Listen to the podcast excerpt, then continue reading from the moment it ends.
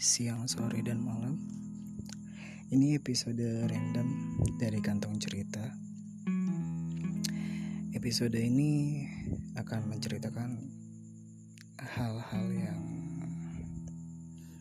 tidak saya temakan di dalam podcast ini. Jadi saya akan menceritakan pengalaman saya saja seperti itu. Jadi saya akan mulai dari pengalaman saya selama mungkin sudah masuk empat tahun tidak merasakan jatuh cinta. Empat tahun terakhir. Jadi empat tahun lalu itu saya pernah memiliki seorang pasangan atau mungkin beberapa orang bilang kekasih atau pacar. Ya empat tahun lalu saya memiliki seorang kekasih yang menurut saya perempuan selain ibu saya sendiri yang bisa menerima saya apa adanya menerima saya dari keburukannya baiknya saya adalah bonus.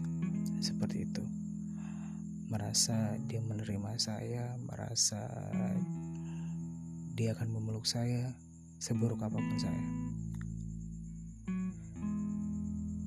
Sangat dalam mungkin pada saat itu saya mencintai seseorang mencintai perempuan yang pernah memasak sarapan pagi untuk saya yang pernah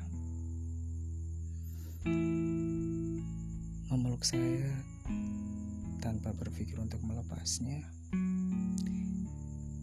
yang tetap tersenyum dalam kondisi saya bilang seperti pada saat itu kayak saya kurang cukup baik untuk membahagiakan dia gitu dan hubungan itu berjalan lumayan lama. Tapi sayangnya tidak berakhir bahagia. Ya berakhir cukup menyedihkan mungkin. Di mana setiap harinya saya semakin mencintainya.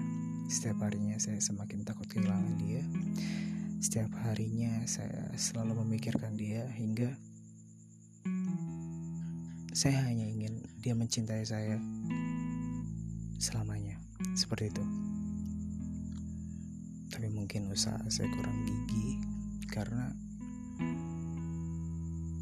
ternyata realitanya ia harus realistis seperti itu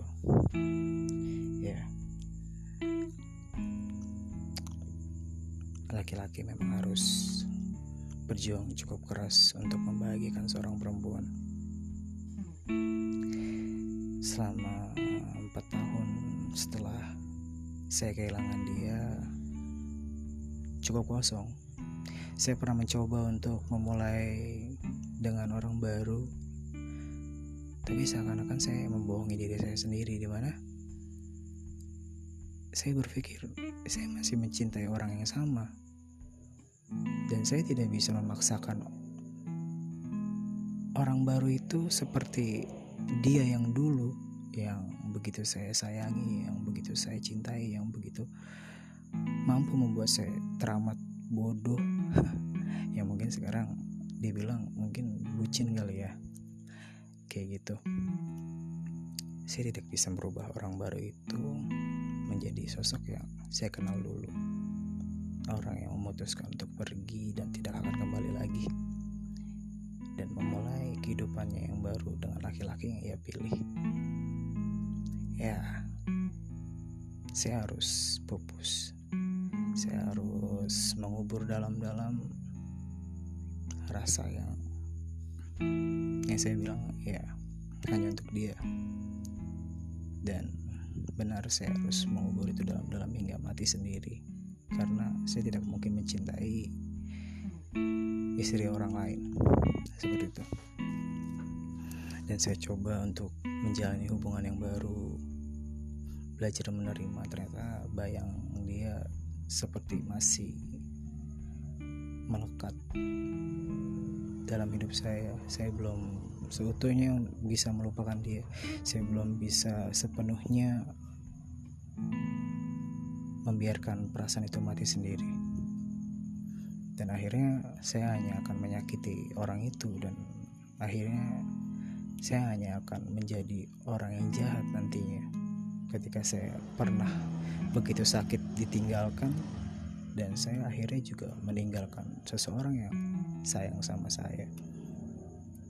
Tapi itu sebuah pilihan di mana saya tidak bisa menjalani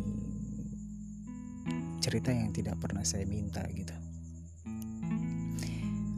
Ya hubungan baru itu tidak berjalan lama karena saya merasa belum saatnya saya memulai.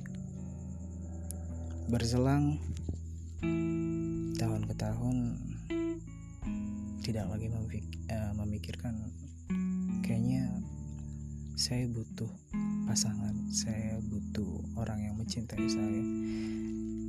Selama itu saya tidak memikirkan hal itu. Saya lebih fokus untuk sudahlah sepertinya tidak mesti. Kita menjalani hidup dengan seseorang yang mau mencintai kita selain wanita yang ada di rumah setiap hari. Seperti saya bisa menjalani hidup saya bisa terus melangkah maju tanpa harus bergantung pada seseorang yang sudah jelas-jelas bukan milik kita lagi dan ternyata saya menemukan sebuah alasan di mana akhirnya saya bisa melepaskan dia seutuhnya dan jawaban itu adalah mengikhlaskan. Ternyata saya pernah mencoba untuk melupakan seseorang dengan cara membencinya, sangat membencinya, sangat-sangat membencinya agar saya lebih mudah melupakannya. Pada saat itu saya berpikir seperti itu. Uh, begini pemikirannya. Mungkin kalau aku benci sama dia, aku akan lebih mudah melupakannya dan selama itu selama saya berpikir seperti itu saya selalu mengumpulkan letak-letak kesalahannya dia pada masa lalu di mana pada saat itu saya selalu memaafkan. Pada saat itu saya seperti ya sudahlah. Pada saat itu seperti ya, saya lebih menyayangimu dibanding harus berdebat.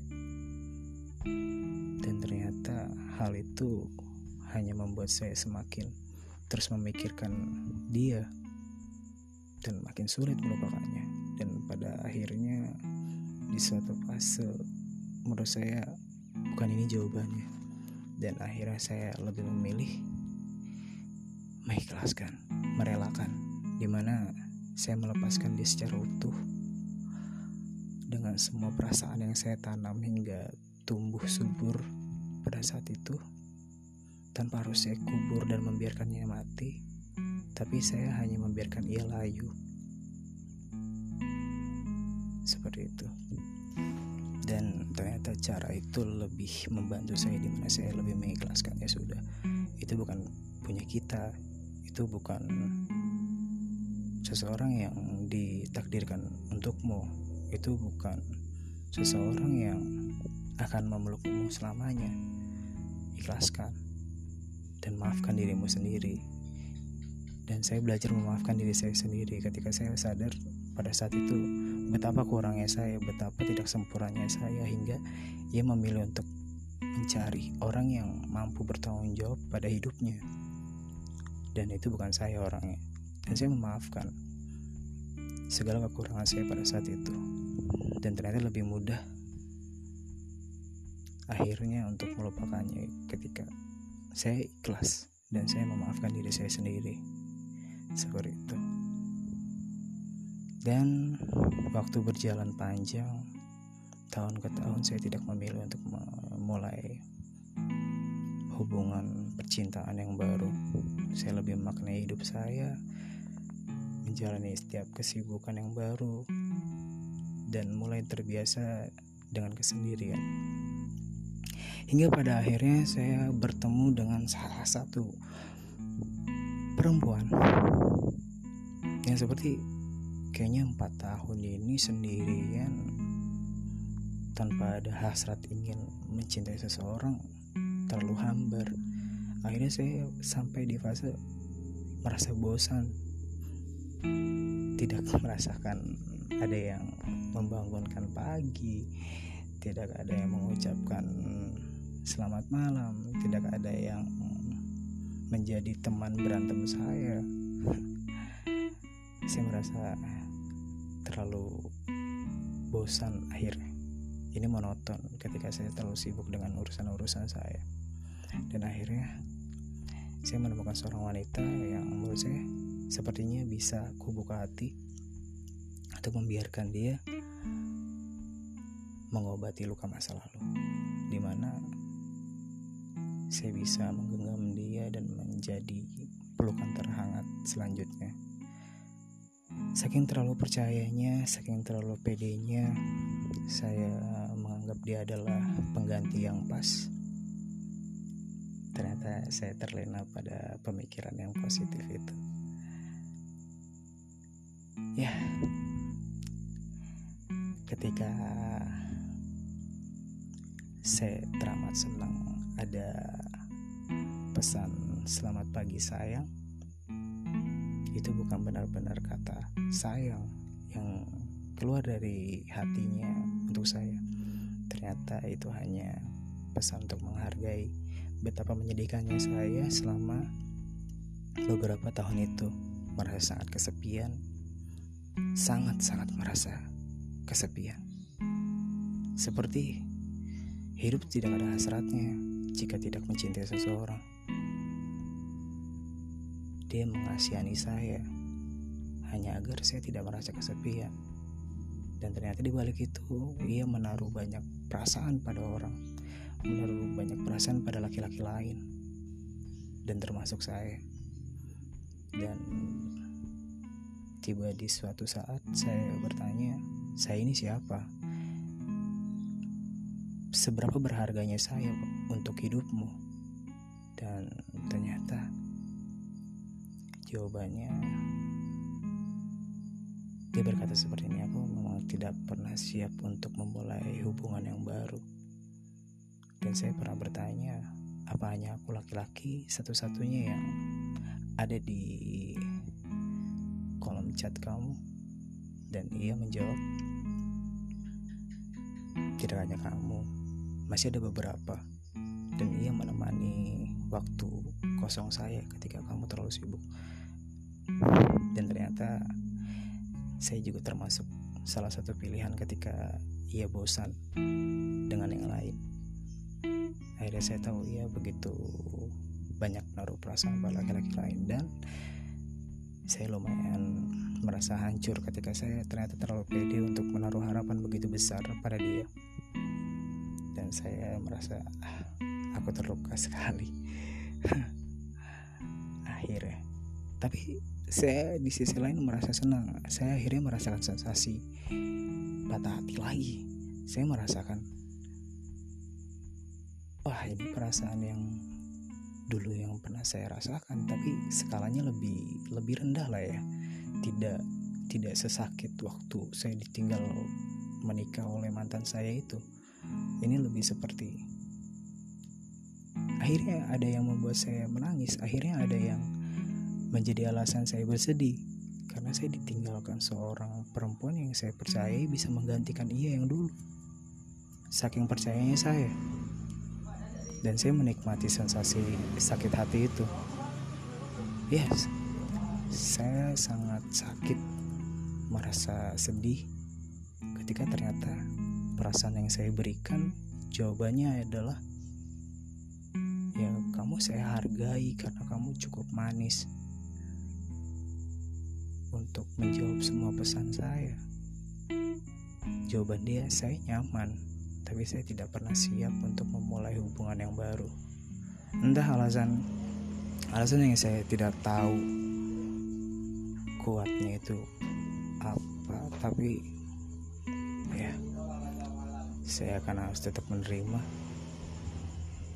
Tapi yang menyenangkan ya itu saya merasakan sensasi patah hati. Yang sudah lumayan lama saya tidak rasakan lagi. Hal itu yang menjadi pengalaman baru saya dari sekian tahun. Akhirnya saya bisa bersedih dan punya alasan kenapa saya bersedih. Tidak seperti yang sebelum-sebelumnya, hanya merasakan kesepian, hanya merasakan sendirian, hanya bisa iri melihat pasangan-pasangan yang cukup manis, merasakan pelukan di jalan, merasakan canda dan tawa di meja makan, dan merasakan senyum yang tergambar di wajahnya ketika kekasihnya membawa sikat bunga di hari ulang tahunnya. Sebelum saya merasakan itu, ternyata saya akhirnya bersedih kembali. Ya, itulah jalan cerita tentang beberapa tahun terakhir saya memilih untuk tetap sendiri karena saya merasa masih banyak kurang dari saya masih merasa Sepertinya saya belum cukup pantas untuk membahagiakan seorang wanita yang begitu dicintai oleh ayahnya. Ya, saya selalu merasa kurang. Saya selalu merasa saya belum cukup baik untuk dicintai. Tapi beberapa teman berkata, jangan terus-terusan berpikir seperti itu. Karena mungkin kamu melewatkan beberapa kesempatan bisa dicintai dan benar-benar dicintai seperti dulu kalau terus-terusan bahas dulu kita nggak akan pernah maju katanya tapi masa lalu itu akan saya selalu anggap sebagai pelajaran yang begitu berharga agar tidak terulang untuk kesekian kalinya mencintai itu tentang menerima kenapa kasih sayang kasih itu memberi, sayang itu menjaga dan disayangi. Berikan dulu, dan kamu akan disayangi.